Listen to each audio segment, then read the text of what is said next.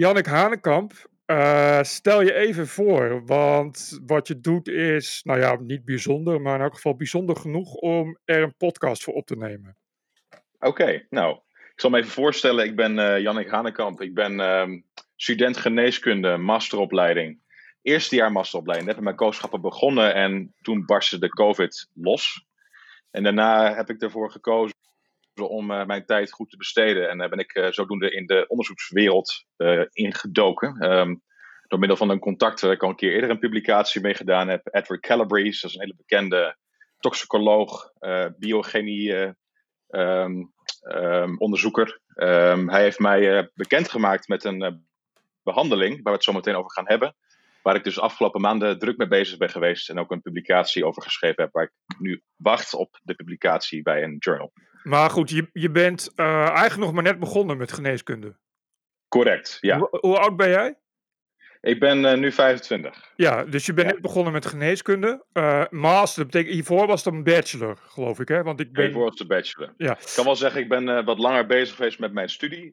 ik heb ook intussen ook andere dingen gedaan, zoals zodoende ook leren programmeren. En ook leren hoe je zeg maar, onderzoek doet. Daar ben ik al een aantal jaar mee bezig. Met andere dingen, zeg maar niet zozeer publiceren, maar met data-analyses en dergelijke. Dus ik heb mezelf op die manier afgelopen vier jaar opgeleid hierin, voor een klein deel dan tenminste. Nu krijg ik ook gelukkig begeleiding van ook experts die me er een, het handje beet willen pakken, zodoende. Ja, even voor, even voor de duidelijkheid, jouw vader is ook onderzoeker. Die is Correct. hoogleraar of assistent hoogleraar?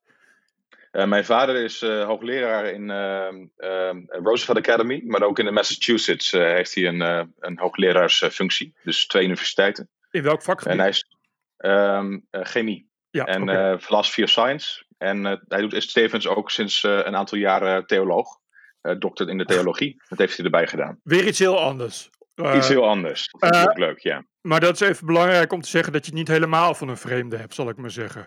Nee, nee, nee. Dat is van huis uit, zo te zeggen. Ja, ja. het onderzoeken zit je in het bloed. Zeker. En nu mag ik je nu dan, ja, hoe noem je dan jezelf? Medisch onderzoeker? Behalve dat je geneeskunde, je loopt kooschappen, maar je doet dus ook onderzoek. En dat is ook, dat is medisch onderzoek. Of, of, of doe je toch iets anders? Um, op dit moment heb ik twee onderzoeken, ben ik daarmee bezig. Eentje is in de data-analyse, dat is iets heel anders, daar ga ik nu niet over uitweiden. Uh, een andere is dus in, uh, um, uh, samen met artsen in Utrecht en ook samen met artsen over heel de wereld. Dat is dus een artikel wat ik dus nu, waar ik nu wacht op publicatie. Maar ik ben ook gevraagd door een andere prof om volgende week met hem te gaan beginnen over een artikel over hydroxychloroquine. Ja. Dus ik ben een beetje erin gerold, zo te zeggen. En mensen, ja, men bevalt blijkbaar mijn werk, dus willen me graag hebben voor mede-auteurschap. Ja, want het woord hydroxychloroquine is op dit moment een soort magisch woord.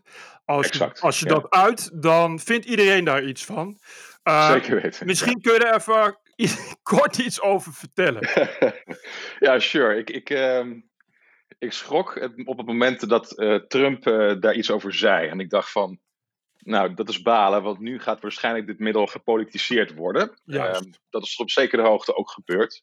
Dat zien we in de media, dat mensen dus uh, nou, heel erg um, snel uitspraken doen over dit medicijn. En tevens ook in de publieke kringen, hè, met collega's, vrienden. Iedereen heeft inderdaad een mening over. En dat heeft, ja. Denk ik, grotendeels daarmee te maken. Of nou het middel werkt of niet, het heeft met name te maken met dat het nu politiek geworden is sinds die uitspraak van Trump. Um, en voor de rest over de werking van het middel, daar valt toch veel over te zeggen. Er zijn heel wat onderzoeken gedaan op dit moment en er zijn heel veel onderzoeken bezig. De echte goede resultaten, die kunnen wij verwachten binnen een aantal weken. Die zullen aangeven of er een beetje werking is of niet. Jij hebt eerder ook al een bericht uh, gepubliceerd over een andere uh, trial die gestaakt is in de UK. Ja, Oxford. En, uh, ja, Oxford, ja. Uh, deze heeft ook uh, volgens mij um, interessante data. Ik, ik, heb zelf het idee, maar correct me if I'm wrong, dat dat een beetje toch wel de eindconclusie moet gaan worden. Omdat, uh, ja, als, als, als, de, als de WHO ermee klaar is, volgens mij is iedereen er dan wel een beetje mee klaar.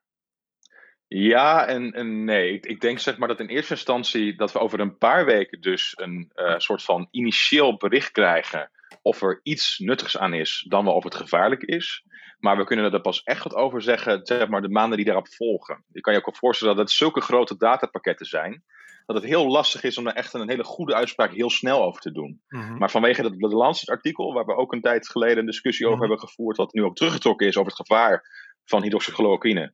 Ehm, zijn ze dus, willen ze dit onderzoek gaan doen en ook versnellen. Ehm, dus over twee weken krijgen we daar bericht over. Maar we kunnen pas echt een conclusie stellen een paar maanden daarop volgend. Ehm, maar als blijkt dat dus hydroxychloroquine gevaarlijk is over twee weken, dan kan je die in de prullenbak gooien. Uh, ja, oké, maar dat is als het gevaarlijk is. Maar heb jij, heb, jij, ja. heb, heb, jij nog enig geloof dat er nog iets goeds uit kan komen? Want ik zag gisteren alweer, uh, heb je het gezien, de ene Raphaël, geloof ik, uit Nijmegen, die ook weer een, een studie heeft gepubliceerd over de niet-werking van hydroxychloroquine. Ik heb het nog niet gezien, nee. Nou ja, uh, uh, het, het, is heel simpel. Hij heeft dus ook een, een, een, belangrijk onderzoek gedaan. Ik geloof dat hij uh, de eerste was in Nederland die dat zo heeft gedaan. En ook als je hydroxychloroquine toedient als profilax, heet dat geloof ik, hè? dus de voorkoming. Ja, dan. Dan onderdrukt het juist het immuunsysteem en ben je er nog slechter aan toe dan dat je het niet gebruikt. Even kort gezegd, in lekentaal. Ja. ja. Maar heb jij nog geloof dat, het, dat hydroxychloroquine nog iets kan betekenen? Nou, het is mooi dat je het, het geloof noemt, want op dit moment is het, uh, is het voor een deel inderdaad geloof. Um, we moeten kijken naar wat de onderzoeken zeggen. Uh, nou moet ik zeggen dat ik, ik heb dat artikel wel gezien hoor, die heb je naar mij toegemaild. Uh, Precies. Van Rafael zei je. Ja, Rafael. ja, Radboud Universiteit volgens mij. Ja, um, ja. Het onderzoek is met hoeveel patiënten gedaan? 16, 17. kleine groep. Um, het zegt wel iets over inderdaad dat er dus, stel je geeft het aan iemand als profilaxe dat het misschien niet handig kan zijn, omdat je dan inderdaad de immuunsysteem uh, onderdrukt, waardoor je dus niet die resistentie kan opbouwen. Um, alleen is natuurlijk de grote vraag van kunnen we iets vinden wat we kunnen toedienen aan patiënten die ten dode opgeschreven zijn. En kijk, um, dat, dat in, Oxford die studie uh, gestaakt is, dat, dat is voor mij een eerste signaal. Ik zou zeggen van oké, okay, ik ben nu sceptischer. Eerder was ik meer hoopvol, zou ik zeggen. -hmm inderdaad, als over twee weken dan de WHO komt van we hebben dus in die preliminaire data niet een direct voordeel kunnen zien, maar we gaan wel verder kijken. Dan denk ik dat we langzaam maar zeker toch echt verder moeten gaan kijken en onze aandacht moeten gaan vestigen op andere middelen, zoals inderdaad ook remdesivir, maar ook het middel waar ik dan op dit moment mee bezig ben. En welk middel is dat waar je nu mee bezig bent? Dat is uh, heel uh, bijzonder. Uh, het is heel bekend in de oncologie, in de kankerbehandelingen. Dat Mhm. is straling. Maar... Nucleaire straling. Ioniserende straling, ja. ja. Dat moet, Maar je even, niet- dat moet je even uitleggen. Eh, Dat want- denk ik ook. Ja. wat, wat is ioniserende straling? Ja, ik ben zelf geen natuurkundige hoor, dus ik zou het erbij houden dat in ioniserende straling wordt al vanaf de jaren 20 gebruikt als eh, therapeuticum eh, voor onder andere reuma. En later is het zeg maar in die extreme hoge doseringen waar het in toegepast wordt in een oncologische sector eh, specialisatie nu in gebruik genomen voor de behandeling van kanker. Dus Ah, het, het, zogenaamde, het, het zogenaamde bestralen. Exact, exact. Het inderdaad het bestralen van cellen, zodat je die eh, kankercellen als het ware kan onderdrukken. Ja. Alleen in dit geval, dus als het over COVID-19 gaat, dan hebben we het niet over het in die zin kapot stralen, maar hebben we het over een hele andere werking Mhm. die we al in de jaren 20 kenden. En dat is na- namelijk de immuno- immunomodulerende werking van de lagere doseringen van ehm, stralingstherapie. Dus eh, dat is bestralen, maar dan met een veel lagere dosis. Ja. Nou, en ho- ehm, hoe, la- hoe laag, als je, als je het vergelijkt met het bestralen van een gewone tumor? Er is mij gezegd door een oncoloog eh, dat het tussen de 150 en, eh, en de 100 en 150 keer zo weinig qua stralingsdosering is. Ja, ik, het is wel leuk hoe ik überhaupt ben opgekomen. Want toen mij dit verteld werd door mijn, eh, mijn vader Jaap Hanekamp een aantal maanden geleden al. Volgens mij is het, niet, het is al jaren geleden, denk ik. Eh, hij, hij vertelde over stranden in, in Brazilië waar men naartoe ging, witte stranden, eh, waar mensen eh, gezonder ervan afkwamen. En dat was een verhaal wat in de ronde ging over dat mensen die lagere dosering aan straling kregen, dat deze mensen op een of andere manier eh, gezonder werden of zo. Nou, ik was toen heel sceptisch. Ik dacht van ja, Mhm. ik heb alleen maar meegekregen dat straling hartstikke gevaarlijk is. En ook een beetje ervan. Dan moet je gewoon mijden. De kost wat het kost. Mhm. Ehm, toen ben ik gaan lezen en heb ik ook gesproken met onder andere die eh, toxicoloog eh, Edward Calabrese. Hij heeft een deel van zijn studie, zijn leven ook gewijd aan dit type straling. Wat doet het nou precies? Waar ben ik achter gekomen dat in Duitsland wordt eh, low-dose radiotherapy, dus lage dosis stralingstherapie, gebruikt bij onder andere reumapatiënten, bij patiënten met inflammatoire aandoeningen. Dat betekent ontstekingsaandoeningen. Aandoeningen waar je, een, een ongeremd immuunsysteem hebt. En wat blijkt uit de mechanistische onderzoeken, dat zijn onderzoeken waarin ze cellen bekijken en waarin ze kijken naar wat er gebeurt als je iets toedient op een celletje, et cetera, of op een muis bijvoorbeeld. dat het lichaam op een of andere manier een knop omzet als je een lage dosis stralingstherapie toedient.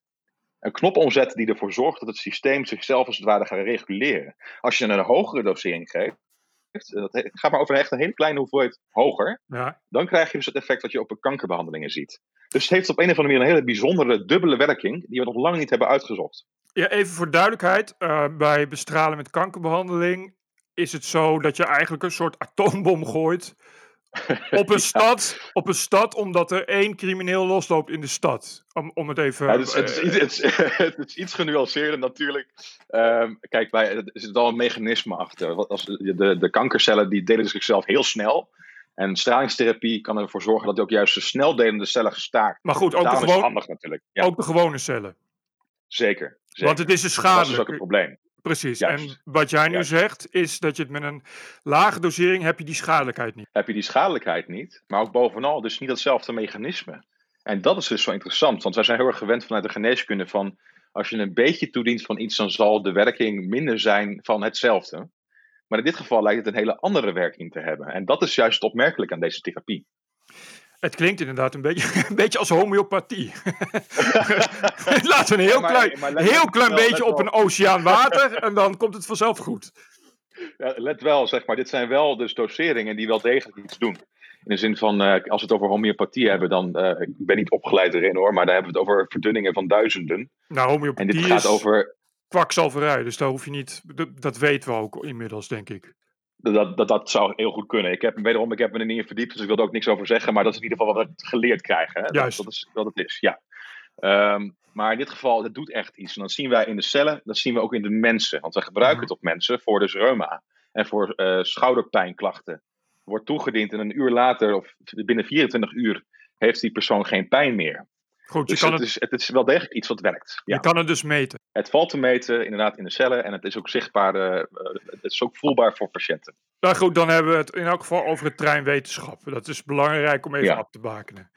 Uh, en weten we al hoe het werkt en waarom het werkt? We weten um, op dit moment um, heel veel nog niet, laat ik het zo zeggen. Maar we weten wel heel veel dingen ook wel op dit moment. We hebben de afgelopen tien jaar hebben we hier ons in gestort in de mechanistische onderzoeken uh, rondom waarom werkt dit nou precies op deze manier.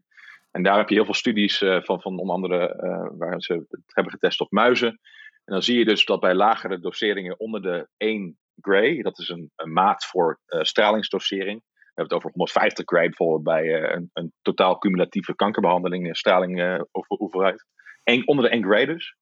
Um, dat er dan een reactie is van het immuunsysteem van muizen, bijvoorbeeld, om zichzelf, um, om het even plat te zeggen, te repareren, het immuunsysteem. Het, het geeft een, een onderdrukkend effect op de ontstekingen die mhm. die mhm. muisjes hebben in die klinische setting. Maar nog steeds het interessantste is natuurlijk dat in Duitsland dat het veel, veel wordt toegepast. Hè? Dus, uh, dus reuma, mensen, patiënten komen in de kliniek en uh, ze krijgen een klein beetje straling. Binnen 24 uur hebben ze al minder pijn dan wel geen pijn meer. En is dat in Duitsland geneeskunde, reguliere geneeskunde of alternatieve geneeskunde? Nee, dat is reguliere geneeskunde, Precies, zeker weten. Je, je kan gewoon naar het ziekenhuis en dan kan een arts zeggen van we gaan met een lage dosis bestralen tegen jouw reuma. Oké. Kijk, nu hebben we het over COVID. Hè? Dat is iets heel anders. Hè? Dat, gaat, dat is geen reuma, dat zijn niet die ontstekingsreacties per se. Alleen wat wij geleerd hebben over corona en COVID-19, de ziekte van SARS-CoV-2, CoV-2, is dat uh, de ziekte zich manifesteert door middel van een hyperreactieve immuunsysteem. Dus mhm. patiënten worden eerst ziek, uh, krijgen het benauwd. En op den duur um, ontstaat er zo'n heftige ontstekingsreactie dat hierdoor die uh, patiënt zichzelf uiteindelijk zieker aan het maken is en uiteindelijk dan ook ten overlijden komt als dat immuunsysteem zichzelf niet gaat reguleren. Dat is het sleutelwoord, reguleren. Dat gebeurt dus niet. En uh, nou, dat is de reden dat ook hydroxychloroquine in het vizier gekomen is, want die heeft ook een regulerende werking. Maar zeker dus ook uh, lage dosis stralingstherapie is hierin een middel wat dus ook gelijk in het, op het oog viel. Um, dit was een middel uh, wat dus die um, immunosuppressieve, dus die immunoonderdrukkende vermindering van ontsteking kon bewerkstelligen in onder andere ook reuma. Dus uh, toen waren er een flink wat artsen, zeker meer dan 100 over heel de wereld, die zeiden van dit willen wij gaan proberen, dit willen wij gaan doen. Ik ga het even, uh, even, even samenvatten hoe, hoe ik dit nu voor me zie. Het kan dus zo zijn ja.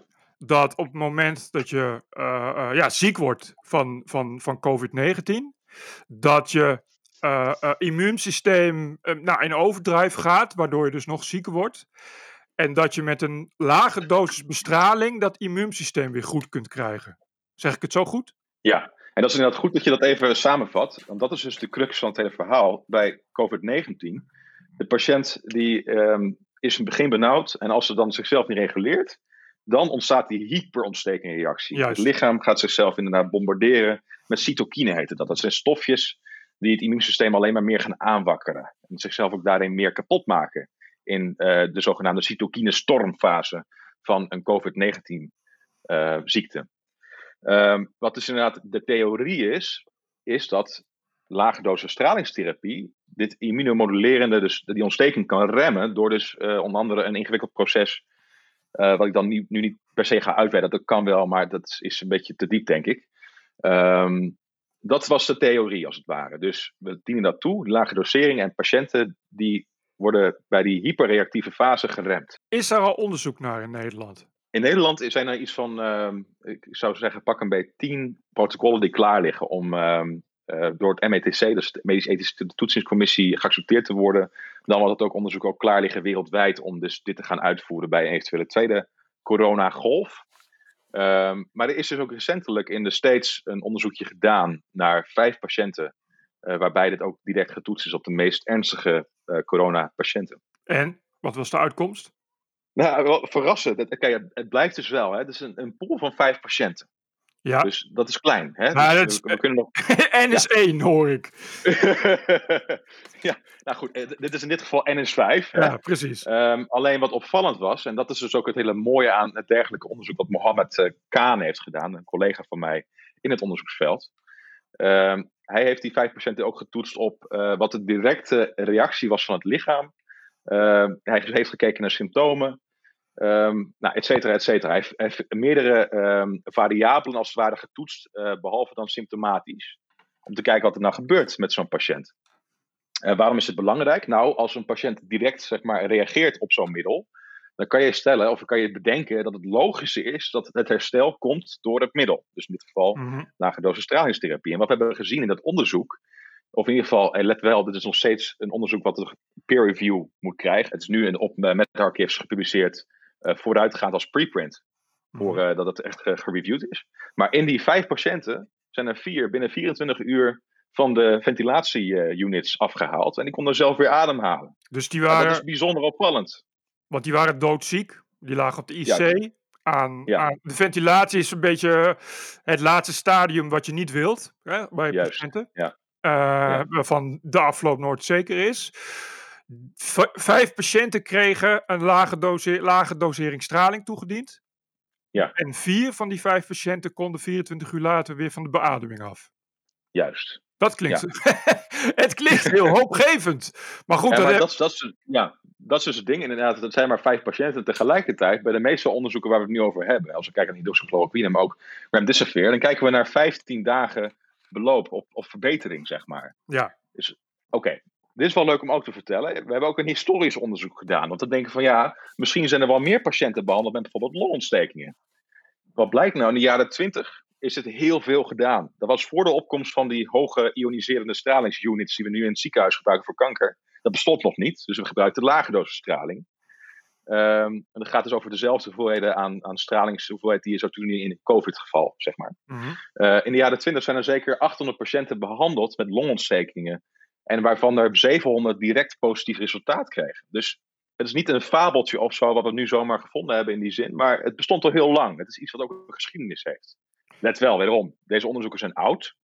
Dus die hebben een hele andere standaard dan we nu handhaven binnen de geneeskunde dan wel het wetenschappelijke onderzoek. Mm -hmm. Alleen het is wel een soort van consistent resultaat. Wat voor mij ook steeds weer zegt van goh.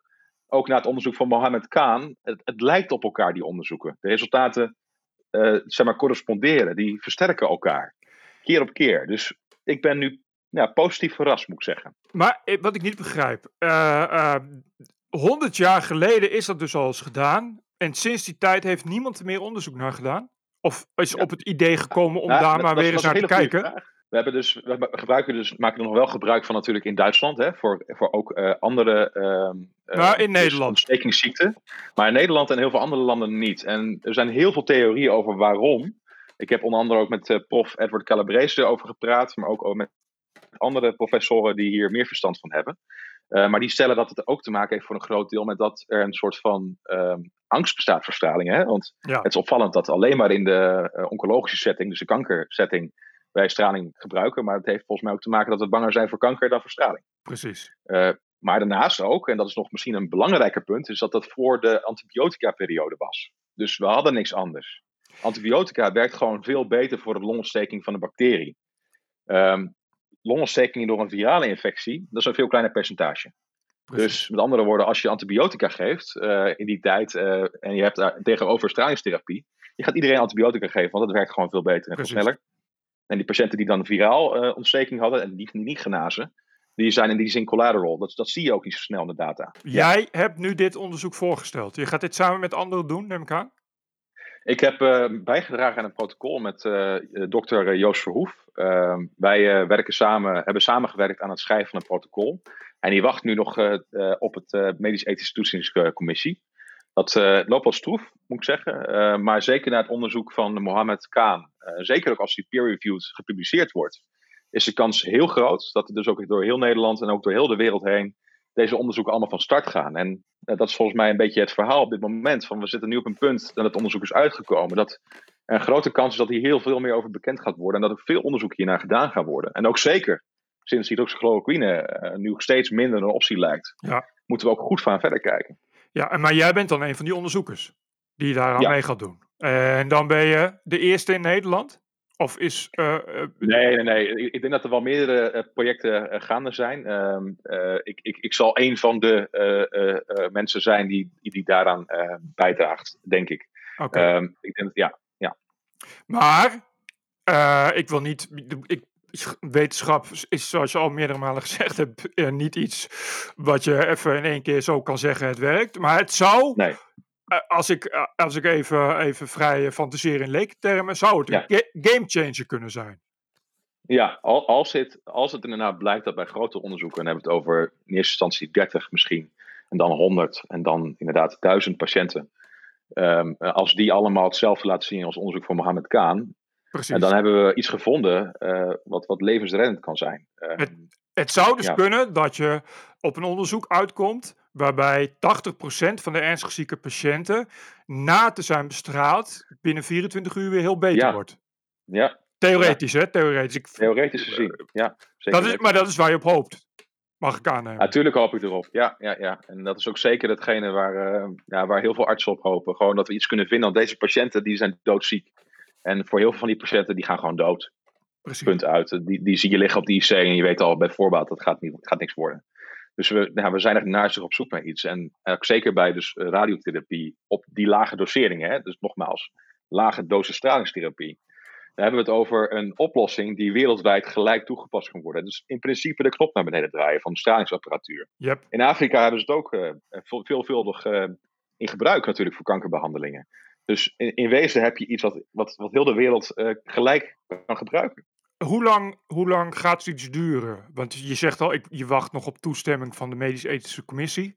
Maar goed, stel dat je die morgen hebt. Hoe lang duurt het dan voordat er uh, eerste serieuze resultaten zijn waarmee je iets kunt? Dat is een goede vraag. Uh, ik denk dat uh, zodra de eerste onderzoekjes gedaan zijn met 15 tot 30 personen, dat je dan al een behoorlijke, um, zeg je dat, um, verandering zal hebben in gedachten over deze behandeling. Uh, maar dan komt het dus toch pas aan op de grote randomized control trials die dan, dan zouden moeten plaatsvinden. Precies. En ja, als het allemaal heel snel gaat, hè, dus het, volgende week zijn, zijn uh, de protocollen goedgekeurd en dan kunnen we gelijk van start gaan, dan is het een kwestie van, nou, ik, ik vind het moeilijk om in te schatten, maar ik zou uh, volgens mijn gevoel zeggen een half jaar. Dat we echt wat meer hierover weten, zeg maar, op grote schaal over COVID-19 patiënten behandeld met low-dose radiotherapie. Dat is redelijk snel. Dat zou redelijk snel kunnen zijn, ja. En Alleen is... dat is de best case scenario. En ik, ja, ik, ik ben nog sceptisch hoor. Ja. Want ja, je hebt al gezegd, de angstverstraling is groot. Dus je kunt erop rekenen dat er. Uh, uh, ja, ze gaan niet zomaar even, even de, de, de bestralingsapparatuur omlaag draaien en dan maar mensen bestralen. Dus al, nee, correct. Uh, dat is een heel goed punt. Grondig onderzoek met grondig bewijs dat het ook echt werkt. Voordat Ja. je het ook echt kan gaan gebruiken. Dus en dan. Ja, ik wou, dan- wou daar nog wel iets over zeggen. Dat is een heel goed punt. En dat is ook volgens mij het punt waarom het zo moeilijk is en ook zo moeizaam gaat om zo'n uh, therapie in onderzoeksvorm om te zetten. Um, er is gewoon heel weinig data bekend over deze lage dosis straling. Um, er zijn onderzoeken gedaan, hè? Uh, begrijp me niet verkeerd. In, uh, de, in Nature in 2019 is een artikel gepubliceerd over 158 vrouwen die bestraling kregen voor hun schouderpijn. En nou, zoals je weet, in Duitsland werkt dat dan gewoon goed voor, voor die schouderpijnen. Alleen was de vraag niet zozeer heeft geholpen voor de pijn. Maar krijgen deze mensen 21 jaar later borstkanker? Precies. Want die klieren zitten allemaal in het gebied van die bestraling. Nou, grappig is dat minder mensen dan je zou verwachten binnen de groep die straling kreeg, uiteindelijk dus kanker kreeg. Nou, daar kan je niet mee zeggen van het, het zal, is er zo genezend voor kanker. Uh, want dat gewoon een te klein verschil was. Maar dat zegt wel iets, naar mijn idee, over dat de kans op kanker krijgen door zo'n lage dosis straling, nou, of nihil is, uh, of, of minder. Ja. Ja, bovendien heb je het hier over patiënten die niet zoveel te verliezen hebben. Nee, nogmaals, inderdaad, deze patiënten die, die lopen een enorm risico om, om te sterven. En, en daarin wil je gewoon iets kunnen geven. Je wil deze patiënten uh, bij kunnen staan met iets uh, wat, ze, wat ze kan genezen. Of in ieder geval het beloop kan verbeteren. En inderdaad, in het geval van COVID-19 deze patiënten gaan gewoon dood. Precies. Dus ik bedoel, ja, dat je dan over, over 30 jaar kanker krijgt, zal bij iemand van 60 die doodziek op de IC ligt niet zo heel interessant zijn. Maar goed, er zijn natuurlijk ook nog andere nadelen. Het kan natuurlijk zijn dat uh, die mensen al een ziekte hebben of, of anderszins, uh, ja, uh, laat ik zeggen, allergisch zijn voor straling of noem maar op. Dus er zitten nog wel wat haken en ogen aan. Maar toch zeg jij, in het gunstigste geval zouden we, nou laten we het even wat ruimer nemen, binnen een jaar al iets kunnen hebben waar we echt wat mee kunnen. Ja, dat denk ik wel. Zeker als het zeg maar zo snel gaat als bij hydroxychloroquine is gegaan. Dat is heel snel gegaan. Dat was echt uh, sneltreinvaart, zo te zeggen. Mm -hmm. um, en dan, dan zou dat wel kunnen, ja. Alleen wederom, hè, blijft, het zou kunnen, het zou kunnen. We hebben vijf patiënten gezien. Ja. Daarbij ging het goed. En die hadden geen reacties op de straling. Het ging allemaal goed. Geen bijwerkingen. En die patiënten waren 24 uur later van de ventilatie af. Dus, nee, duidelijk. Ja. We lopen op het zaak ja. vooruit hoor. Maar ja. goed, dat, uh, kijk, alles, alles wat we nu hebben, bedoel, penicilline is ook ooit, ooit onderzocht, omdat het bij één persoon werkte, zal ik maar zeggen. Uh, ja. Dus als je het niet onderzoekt, weet je het niet. Uh, uh, nee. goed, wij gaan nu van, van het positieve uit. Ik bedoel, we hebben natuurlijk ook uh, bij hydroxychloroquine zijn we van het positieve uitgegaan. Maar dat bleek, bleek toch ja. niet zo succes zoals we dachten. Maar who knows? en het is goed als je daar onderzoek naar doet. En ik vind het wel bewonderenswaardig dat jij daar als ja, student nog al, al in betrokken bent. Ja, dankjewel. Ja. Ben jij, hey, het voordeel is dat ik het leuk vind. Ja. Ben jij, jij, was je op het VWO of op het gymnasium ook al een snelle leerling? Of is het allemaal puur toeval dat je er zo ingerold bent? dus ik moet, ik moet zeggen, ik ben uh, iemand die ook op de middelbare school vooral bezig is geweest met andere dingen. Dus dat is misschien ook een beetje een, een persoonlijkheidskwaaltje zou kunnen zeggen. Als ik dan iets moet, zoals een studie, dan doe ik liever iets anders. Ik heb op de middelbare school heb ik games ontwikkeld voor de iPhone. En uh, nou goed, met mijn studie heb ik te weinig gedaan destijds. En toen kwam ik bij geneeskunde terecht en heb ik leren programmeren, zeg maar. Dat, op een of andere manier trekt dan de, de buitenkant me meer dan de binnenkant van de opleiding. Ja, maar goed. Je haalt me nu wel volledig op mijn opleiding. En, en uh, ja, sorry? Je haalt wel je tentamens. Voor geneeskunde. Ik haal wel mijn tentamens, zeker, dat wel. Ja. Is to, toch een beetje een wonderkind, zoals als je op je op jonge, nee, nee, nee, op jonge leeftijd al games ontwikkelt.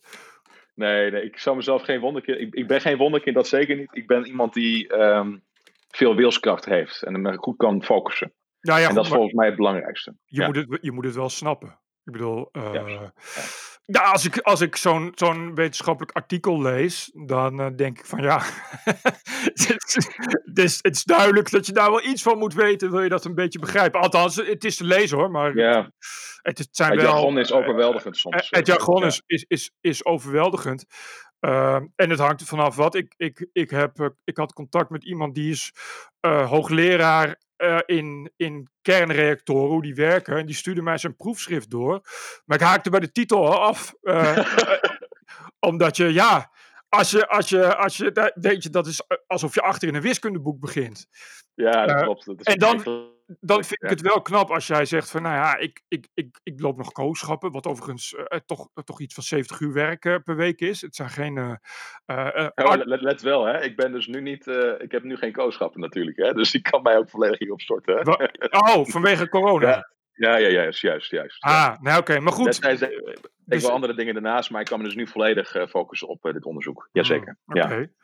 Ja, ik, ik vind het allemaal, allemaal geweldig klinken. Weet je, voor hetzelfde geld is het mede dankzij jou en dus anderen, dat is duidelijk, maar mede dankzij jou een, een, een ondergeschoven therapie die misschien toch wel heel veel mensen beter gaat maken. Waarom, waarom, wordt het. Waarom wordt het overigens wel in Duitsland gebruikt en niet in Nederland, bij bijvoorbeeld reuma? Dit zijn hele moeilijke vragen. Ik heb er ook wel over nagedacht hoor. Ehm goeie vraag. Ik, ik, ik eh, zal er misschien nog eens een keer op terugkomen als ik het antwoord weet. Hmm. Oké, laten we het nog even over wetenschap hebben. Want ik, ik, ik vond Ja. het interessant. Jij mailde mij. Je zei, nou ja, jij publiceert een, eh, over, over hy- hydroxychloroquine. En je, had, je hebt erover gehad in je podcast. doen hoor. Nee, eh, die, dat mailde je aan mij. Dus, Ah ja, dus, dus ik, ik had het erover in de podcast met Roderick. En ik heb erover geschreven. En jij zei, nou ja, ik, ik, ik wil daar wel wat over zeggen. Omdat ik het belangrijk vind. ehm, ja, dat het niet zo zwart-wit is. Jij bent echt een wetenschapper. Jij zegt bij alles. Ik, ik weet het niet zeker. Tot ik het zeker weet, kan ik er niet zoveel over zeggen. Eh, wat ik heel mooi vind. En, dus ik zei, nou ja, stuur maar in. En je, je, je publiceerde eh, over dat de Lancet-artikel, dat het toch vooral een media-hype is. eh, die Mhm. ja, ingewikkelder is dan het licht. Kun je ons daar wat meer over vertellen? Want ik denk nu wel, ehm, als de Lancet nu weer wat publiceert, moet ik dus kennelijk twee keer denken of het waar is. Ja. Ja, ik wil er best wel wat over vertellen. Dit was een heel erg eh, eh, ja, interessant iets. Ehm, een collega, eh dokter Joost Verhoef, mailde mij het artikel van de Lancet toe. En die zei van, kijk eens. En eh, nou, daarin stond inderdaad, in dat artikel werd gepretendeerd, of in ieder geval gezegd van, nou, eh, groep patiënten lijkt een veel hoger sterftepercentage te hebben dan de patiënten die niet die behandeling krijgen Right. met COVID-19. En ik dacht gelijk van, eh god, dat is wel echt een aanzienlijk percentage. Hè? Dat ging over 30% of zo. Hè? Dus Mhm, 30% hoger sterftepercentage. En het eerste wat ik mij bedacht was, dat, dat kan haast niet kloppen. Waarom niet? Nou, want dan hadden we het ook wel eerder gemerkt in de trials, dacht ik. Van, dat hadden we dan wel moeten zien. Ehm, dat, dat gaat, dat, zeg maar, zulke percentages zie je zelden, zeg maar. Dat wil ik even zeggen. Ehm, en toen ben ik dus gaan lezen en ik kwam erachter dat er behoorlijk wat dingen ontbraken in het onderzoek, waardoor het heel moeilijk is om dat percentage ook zo één op één over te nemen. En het grappige was, eh, ik mailde jou dus erover en, en de dag erop, toen schreven er 200 wetenschappers uit de States en over heel de wereld dus een, ehm, een open brief over dat artikel. En die zeiden van, er klopt een hele hoop niet aan het artikel, waarom Mhm. is het in de Mhm. Lancet gepubliceerd? En inderdaad, in een termijn van een week, dat ging heel snel, dat is ongekend voor de Lancet, hebben ze moeten toegeven eh, dat, ehm, eh, ja, dat er, want de zaken dus blijkbaar niet helemaal klopt aan het artikel. De wetenschappers wilden ook geen openheid over zaken geven. Hè? Dat is ook een heel belangrijke Mhm, reden waarom het nu uiteindelijk weggehaald is. Ze wilden niet de data geven. Eh, wat in die zin een doodzonde is voor de Lancet, want ze hebben juist een open databeleid ondertekend. En het artikel is binnen een week eh, weggehaald. Hoe kan het nou toch dat de Lancet zo'n enorme fout maakte? Ja, ik, ik, ik heb het gehoord eh, van een, eh, een, een- nou, niet gehoord, ik heb het gelezen eh, op een blog die ik wel voor, volg. Het gaat over statistische modellen en hoe je modellen interpreteert. En ehm, hij zegt dat het komt door waarschijnlijk dat de eerste auteur van dat artikel een Harvard-professor was. Nou, Harvard heeft ook een naam. Mhm, Hè? Eh, Harvard is, is Harvard. En als je op Harvard gezeten hebt, nou, dan heeft hij op Harvard gezeten. Precies. Niet gek. Maar in ieder geval de Lancet, het lijkt zo te zijn dat de Lancet op goed vertrouwen heeft gehandeld. Zoals ook de media in die zin op goed vertrouwen handelt. Eh, die mede-auteurs van die Harvard-professor, dat waren eigenlijk in die zin, ehm, eh, zou je kunnen zeggen, misschien mensen zoals ik. Onderzoekers die ehm, een, een, iets nieuws in het veld hebben, of een, een bedrijf hebben opgericht in onderzoek, datamodellen schrijven, geen statistische ervaring. Maar die schrijven wel een statistisch onderzoek. Uiteindelijk is het dus waarschijnlijk zo geweest dat Lancet op goed vertrouwen heeft gehandeld. Heeft gedacht van, nou, die eerste schrijver, die heeft waarschijnlijk het overzicht gehouden. Die heeft ehm, eh, grondig onderzoek gedaan. En deze beste man, die kunnen wij vertrouwen. Ehm, terwijl hij eigenlijk niet eens het grootste deel van het onderzoek gedaan heeft. Dat waren zijn mede-auteurs die eigenlijk maar gebrekkige ervaring hadden met statistische analyses.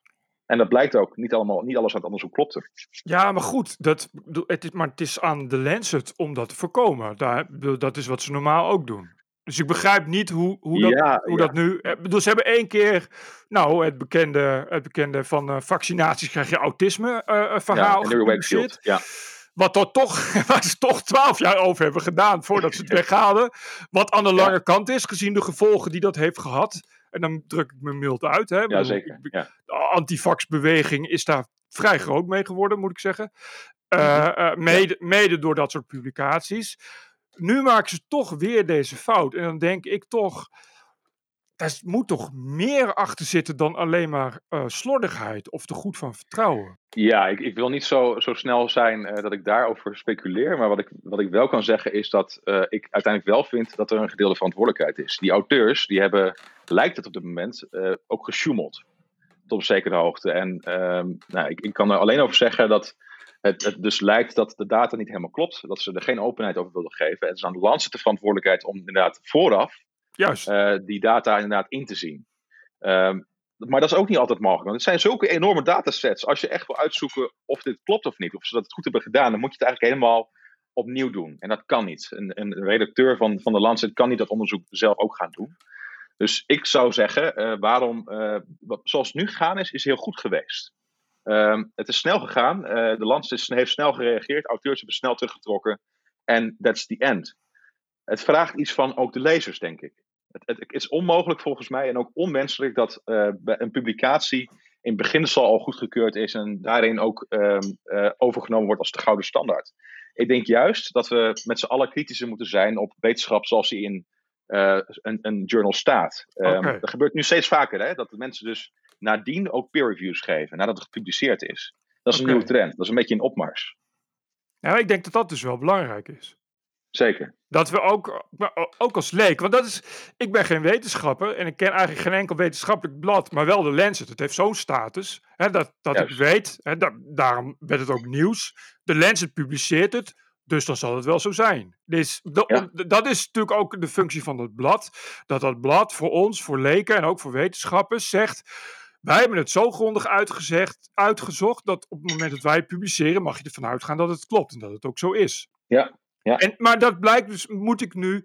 Wa, wa- wat raad je nu eh, ook de leken en journalisten eh, voortaan aan? Twee keer lezen, nog langer nadenken, niet, niet automatisch accepteren dat het klopt. Hoe, hoe moeten we ons hierin gaan Ja, houden? Ik vind het heel moeilijk om iets over te zeggen, Bert. Met name omdat je dus eigenlijk. ehm, media is ook snel, hè? die willen ook snel handelen. Ja. En ik kan me heel goed voorstellen dat je, dat je zo'n Lancet-artikel ook overneemt, omdat het in de Lancet staat. Alleen Juist. het blijkt gewoon keer op keer een probleem te zijn. Dat eh, onderzoeken gewoon rammelen aan alle kanten en dat het gewoon overgenomen wordt, omdat het in de samenvatting van het artikel staat. Dus wat ik wel, wat ik wel zou, waar ik wel voor zou pleiten, is dat men dus eh, die eh, inderdaad op dit soort artikels ingaan, zich laten informeren, maar ook zelf inderdaad gaan leren lezen. Dat is, het is best mogelijk. Het is niet makkelijk, dat zeker niet. Ehm, en laat je ook dan vooral inderdaad, eh, of in ieder geval, de media moet zich vooral laten ehm, leiden door eh, mensen die daar ook goed in zijn, eh, mensen in het vakgebied. Maar je- het, is gewoon keer op keer gebleken dat we niet één op één die dingen kunnen overnemen. Ik denk wel dat daar eh, meer bekendheid van zou moeten zijn. Omdat ik, wat ik zie eh, in de media is dat op het gebied ook van, van, wetenschapsjournalistiek. Het is eigenlijk een beetje een puinhoop. En je ziet al te Ja. vaak, zie je, hè, eh, vooral dus inderdaad, nou ja, waar het bijvoorbeeld mis is gegaan bij Diederik Stapel hè, in de sociale psychologie. Die natuurlijk bijvoorbeeld onderzoekjes doen die al heel erg tot de verbeelding aanspreken. We kennen het beruchte Ja. verhaal van Roos Vonk, hè? vleeseters zijn huftes. Dat ja, wil- ja, dat wil iedereen wel in zijn kop boven zijn artikel. Dat wil je één op één overnemen. Maar ja, als je dan verder gaat, kijkt, dan ehm, is, zitten daar zoveel nuances en zoveel onbewijsbaarheden dat het eigenlijk iets heel anders is. En dat is denk ik wel een probleem. Ik denk dat daar eh, ehm, wat meer duidelijkheid over zou moeten komen dat. Eh, het, het ten eerste per vakgebied en per wetenschap heel erg verschilt. Het is al wat anders als je eh, eh, iets aantoont in de astronomie of in de geneeskunde dan dat je dat doet bij de sociale psychologie. En in de tweede plaats, dat als een hoogleraar het zegt, of een blad dat publiceert, een wetenschappelijk tijdschrift, het niet hetzelfde is als 1 plus 1 is 2. Ik En denk dat een hele nuchtere conclusie en ook goede conclusie is. Alleen het ding is wel een beetje, de, de media heeft het ook nodig volgens mij op dit moment. dat denk ik Om dus ook. eh, het zo te vertalen. Hè? Ehm, je, je wil uiteindelijk ook mensen trekken. Ik, ik snap heel goed dat je als eh, redacteur ook lezers nodig hebt. En lezers krijg je nou eenmaal door eh, toffe koppen. Nou ja, zeker in- eh, als het gaat over hydroxo- hydroxychloroquine. Eh, kijk, op het moment Ja. natuurlijk dat Trump daarmee staat te zwaaien en zegt dat hij dat slikt. Ja, daar zijn er natuurlijk genoeg media en, en, en onderzoekers die, die daar graag iets mee willen doen. Hè, uh, uh, op het moment dat, je, dat je kan publiceren, Trump heeft ongelijk. denk ik dat er heel wat media zijn die dat graag op hun voorpagina zetten. Ja, wat ik wou zeggen, was, wat er nog opvallender is, dat ook tijdens het, uh, het Lancet-artikel dat gepubliceerd werd, alle media, of nou, in ieder geval 20% van de media-outlets die er iets over zei, uh, die, die had ook een plaatje van Trump erbij staan. Terwijl in principe natuurlijk ja. hydroxychloroquine niks met Trump te maken heeft. nee, maar die uitspraak, ja, ja. Ik zag het gisteren ook bij, uh, bij die jongen van het Radboud UMC. dat gaat ook over hydroxychloroquine. En, en ze zaten bij Op 1, dat programma, een NPO-programma. En daar zag je dat toch ook. Het was toch wel het belangrijkste. om, om te kunnen benadrukken dat het bekend was van Trump. Weet je, en dan de rest is er dan ook. Maar Trump heeft. Maar goed, wat ik overigens wel begrijpelijk vind hoor. Uh, uh, Natuurlijk, ja, ja. En ik moet ook zeggen dat. Um, als ik het zo zie, hydroxychloroquine heeft inderdaad nu een soort. Ja, bijna sectarische volging gekregen. Van. Uh, nou, vooral mensen die. laten we zeggen, toch al in het populistische kamp zitten. En eh, de, tegen de lockdown zijn en tegen de autoriteit, die zijn blij met te kunnen zeggen hydroxychloroquine werkt, hoe dan ook. Uh, dat zie je bijvoorbeeld ook aan die, die Franse arts, die met die lange baard, die ook zweert bij hydroxychloroquine. Ja, ja, ja. Dat is dan ook iemand die eigenlijk altijd tegen alles is van de gevestigde orde. Het maakt niet uit wat. Dus dan is hydroxychloroquine natuurlijk ook zoiets. En ik zag gisteren ook uh, zo'n jongen van de Radboud Universiteit, een keurig onderzoeker, die daar ook, net als jij, uh, heel genuanceerd verhaal over doet en helemaal geen wilde uitspraken uh, ja, die eigenlijk meteen op social media wordt kapot gemaakt. Dus omgekocht door Bill Gates en de farmaceutische industrie. Ja, ja. Je, je, je, kent het allemaal wel. Dus het is. Ja, wat, wat is dat volgens jou, die hele opmars geweest? Van, van ook, uh, ik, ik ben er ook bekend mee hoor. Ik, ik heb ook uh, mensen in mijn omgeving gehad. Uh, die inderdaad deze wilde uitspraken deden als je dan ook doorvroeg. Dat ze dan geen idee hadden waar het dan precies vandaan kwam. Maar het zou in ieder geval zo zijn, want bla bla. waar, waar komt de hele opmars van die conspiracies vandaan? Ja, dat, ik, ik, ik, ik, was, ik zou graag willen zeggen dat ik het weet. Uh, kijk, het, waar, het, waar het gedeeltelijk vandaan komt, um, is dat we ze nu beter horen. Het is er altijd al geweest. In, in, eh, bedoel, kijk naar de antivac antivaccinatiebeweging. Uh, ja. dat, zijn, dat worden er steeds meer. Hè? Ik geloof dat in, in, in Amerika al zorgen bestaan over uh, dat er straks geen herd immunity voor mazelen is. Om, omdat er steeds, meer, steeds meer moeders hun kinderen niet vaccineren. En dat dreigt in Nederland ook een beetje te gebeuren, omdat je natuurlijk die hoge vaccinatiegraad nodig hebt. En als er dan een paar duizend niet inenten, dan begin je al te droppen. Uh, dus die waren er altijd al. En um, ja, laten we zeggen dat we eigenlijk meer dan twee weken lang in alle media niets anders hebben gedaan dan alleen maar nieuws over corona of COVID-19. Ja. Dus geheid dat al die mensen die normaal ook uh, uh, conspiracies uh, onderhouden, zich daarop storten. Maar het is ook niet zo gek. Het is natuurlijk ook een, een angstaanjagend verhaal. Hè, wat, wat, wat, wat, je over je heen krijgt. Uh, wat bovendien ook nog eens een keer leidt tot een verplicht thuiszitten. En uh, een economie die kapot gaat, you name it. Ja, dat is voor veel mensen denk ik ook wel iets uh, heel moeilijk om te accepteren, die werkelijkheid.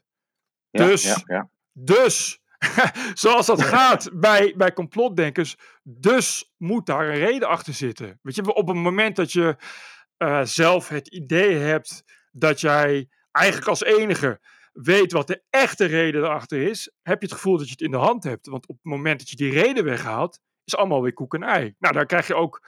En ik, maar goed, ik, ik, ja. uh, Jannik, ik heb me net zo gebaasd. Uh, uh, de 5G-conspiratietheorie, dat 5G ja, corona ja, veroorzaakt, dat deed mij ook op mijn hoofd krabben. en dat zendmasten in de fik worden gestoken, dat was toch wel echt, echt een nieuwe vorm, een nieuwe trap van, van complotdenken. En ik moet zeggen dat ik daar toch ook wel weer door verrast was. Ik heb al een hoop gezien op het internet, maar dit was toch wel een hele nieuwe dimensie. Maar dat heeft toch te maken ook echt met die angst van iets waar helemaal niemand, want ja, ook de WHO niet, ook, ook Jaap van Dissel niet. Eigenlijk iedereen, hè, alle wetenschappers zeggen we weten zoveel nog niet. En, ja, en we weten ik, ik ben ook zeker. Ik denk ook dat, dat zeker ook het probleem is geweest dat uh, wetenschappers uh, alle A en Z zeiden. Hè? Dus ook met die yep, virologen yep. die dan eerst zeiden van de kinderen zijn uh, nucleaire reactors voor het verspreiden van corona. En dan anderen zeiden van nee, ze verspreiden het niet. Nou, ik snap dat mensen ook op die manier het vertrouwen verliezen. Maar zeg maar, wetenschappers die doen ook misschien te stellige uitspraken soms. Dat denk en die ik. nuance die is voor mij heel belangrijk om erin te hameren. Dat denk ik. Ik denk En, en dat zie ik over, als je het over het, het geheel van, van complotdenken hebt. Hè, of bijvoorbeeld, uh, ja, dus is tegenwoordig schijnt er een groei te zijn aan mensen die ervan overtuigd zijn dat de aarde plat is. Dat is een hele leuke, hele leuke documentaire Ja. ook, ook Ja, op, ik, net- ik op heb het ook Netflix. gehoord. Ja. Wat je, wat je ziet uiteindelijk, eh, vind ik, is ook een beetje eh, de schuld van de wetenschap en de media en de overheid, die ook wel gefaald hebben in die communicatie naar die mensen toe, eh, waarom je die wetenschappers moet vertrouwen. Eh, en- Ja. Weet je, en de- die mensen die dat doen, voelen zich niet gehoord. Ik denk dat ze niet per se. ehm, ja, ze geloven wel dat de aarde plat is, maar het is ook, ook een soort tegendrukmiddel. Ze voelen zich niet gehoord, Ja. omdat die wetenschap is natuurlijk steeds arroganter geworden. Dat zijn Ja. natuurlijk, met alle respect, eh, eh, de- de 5% van de bevolking die geslaagd is op een universiteit en in die Ivoren Toren woont, die zegt, jij moet dit doen. Jij moet je kinderen Eh, heeft het ook inenten." niet te maken, Ber- Bert, met het feit dat ehm, ook eh, die, eh, die claims op de waarheid vanuit de wetenschap, maar ook vanuit overheidsorganen, ehm, een beetje veronderstellen dat mensen dom zijn?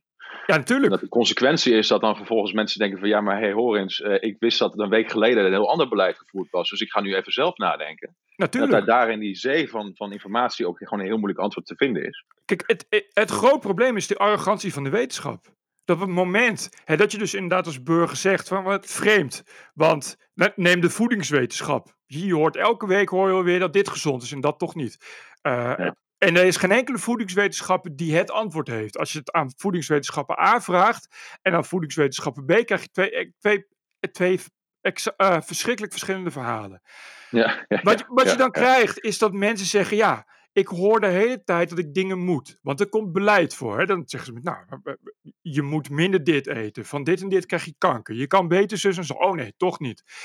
Mensen zeggen dan: ja, ik hoor elke week iets anders. Wat er dan gebeurt, is dat die wetenschappers zeggen: ja, maar goed. Jij bent een dom opgeleid. Weet je, je, moet maar een beetje eh, eh, naar ons luisteren. En anders lachen we je uit. Weet je, het zijn, het, zijn eh, het zijn gekkies die we uitlachen. Begrijpelijk.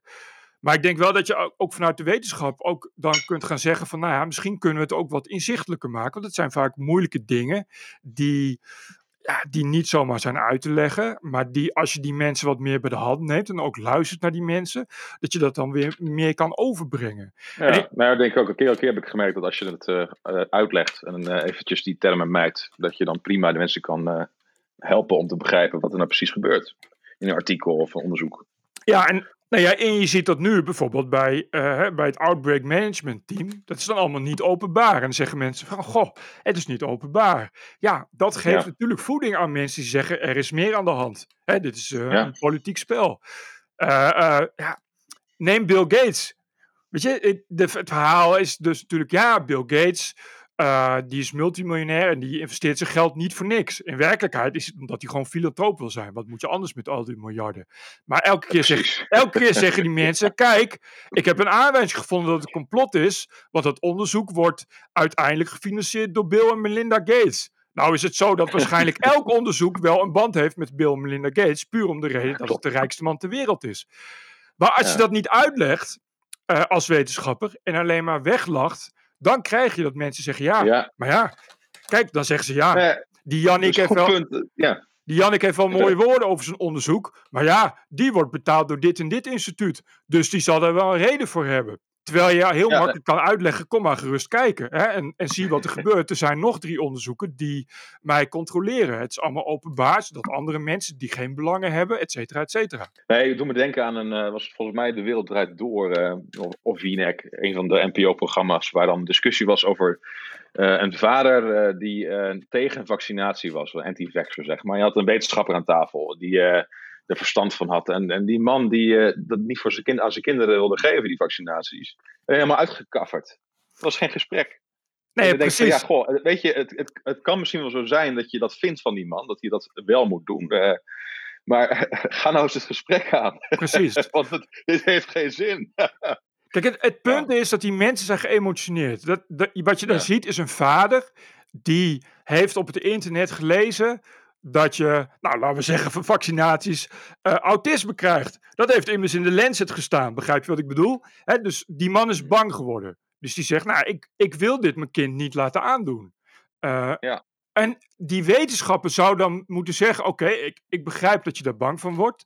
Uh, het is bijvoorbeeld heel raar dat de Lens het heeft gepubliceerd. En er gaan ook Maar dingen. laten we eens naar onderzoek gaan kijken. Precies, laten we eens naar het onderzoek gaan kijken. En dan, Ja. nou, la- laten we eens kijken hè, naar de grafiek hoe polio ineens niet meer bestond. Dankzij vaccinaties.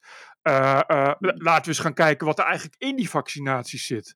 Eh, hoe dat wordt ontwikkeld. Hoe dat wordt gecontroleerd. Want ik zou het je ook niet kunnen vertellen. Weet je, ik ga er maar vanuit. Ik heb dat vertrouwen in die overheid. Ik heb dat vertrouwen in de wetenschap. Maar ik kan het je ook niet vertellen. Het is allemaal heel schimmig. Weet je, dus je krijgt al heel snel het idee dat er ja, iemand kan doen wat hij wil met dat vaccin. En dan kan hij instoppen wat hij wil. En we kunnen het niet zien, we kunnen het niet controleren. Nou, dat wordt in mijn kinderen gespoten. Ja, dan begrijp ik wel dat die mensen bang zijn. Ja, dat snap ik ook. Dan is mijn hoop volgens mij ook gewoon wat te groot. Want eh, ik, ik was gewoon verbaasd over de, de ronduit emotionele reactie aan tafel. Ik denk van ja, je bent wetenschapper. Je, je zou beter moeten weten, denk ik dan, hoe je zo'n discussie voert. En ook met respect, zeg maar. Maar dat even terzijde. Ja, Ik, ik eh, ben het met je eens. Ik denk dat het een goede uit, uit, eh, een goed betoog is van waarom eh, zo gereageerd wordt. Nou ja, ik, ik, ik- het is natuurlijk leuk om ze uit te lachen, hoor, daar niet van. En, en dat is begrijpelijk. Maar ik vind dat je daar als wetenschapper. ehm, moet je daar voorzichtig mee zijn, omdat je Ja. het dan mede veroorzaakt. Dat wantrouwen. Ja. Eh, en dat wantrouwen is ook in de overheid, dat wantrouwen is ook in de media. Elke keer als ik iets publiceer eh, eh, over, over zo'n onderzoek als hydroxychloroquine, zoals nu, dan krijg ik op Facebook en op, op Twitter eigenlijk uitsluitend reacties nepnieuws. Weet je? Want, ja, ja, maar dat ongelooflijk. maar Ja. dat komt niet uit het niets. Die mensen zijn best al vaker bedrogen door de media en door de overheid. En dus Ja. ook door de wetenschap. Dat, dat hebben we net nog geconstate- eh, geconstateerd. Dat zelfs de meest betrouwbare instituties misschien wel iets te graag roepen dat iets waar is. En het dan later weer weg moeten halen. En ik denk dat je daar. Ik denk dat de wetenschap wat dat betreft daar ook ehm, iets bescheidener in zou moeten zijn. En, en, en iets transparanter. ja, dat denk ik ook. Nou, ik denk dat het een mooie afsluiting is van een eh, fantastisch gesprek. Dat denk ik ook.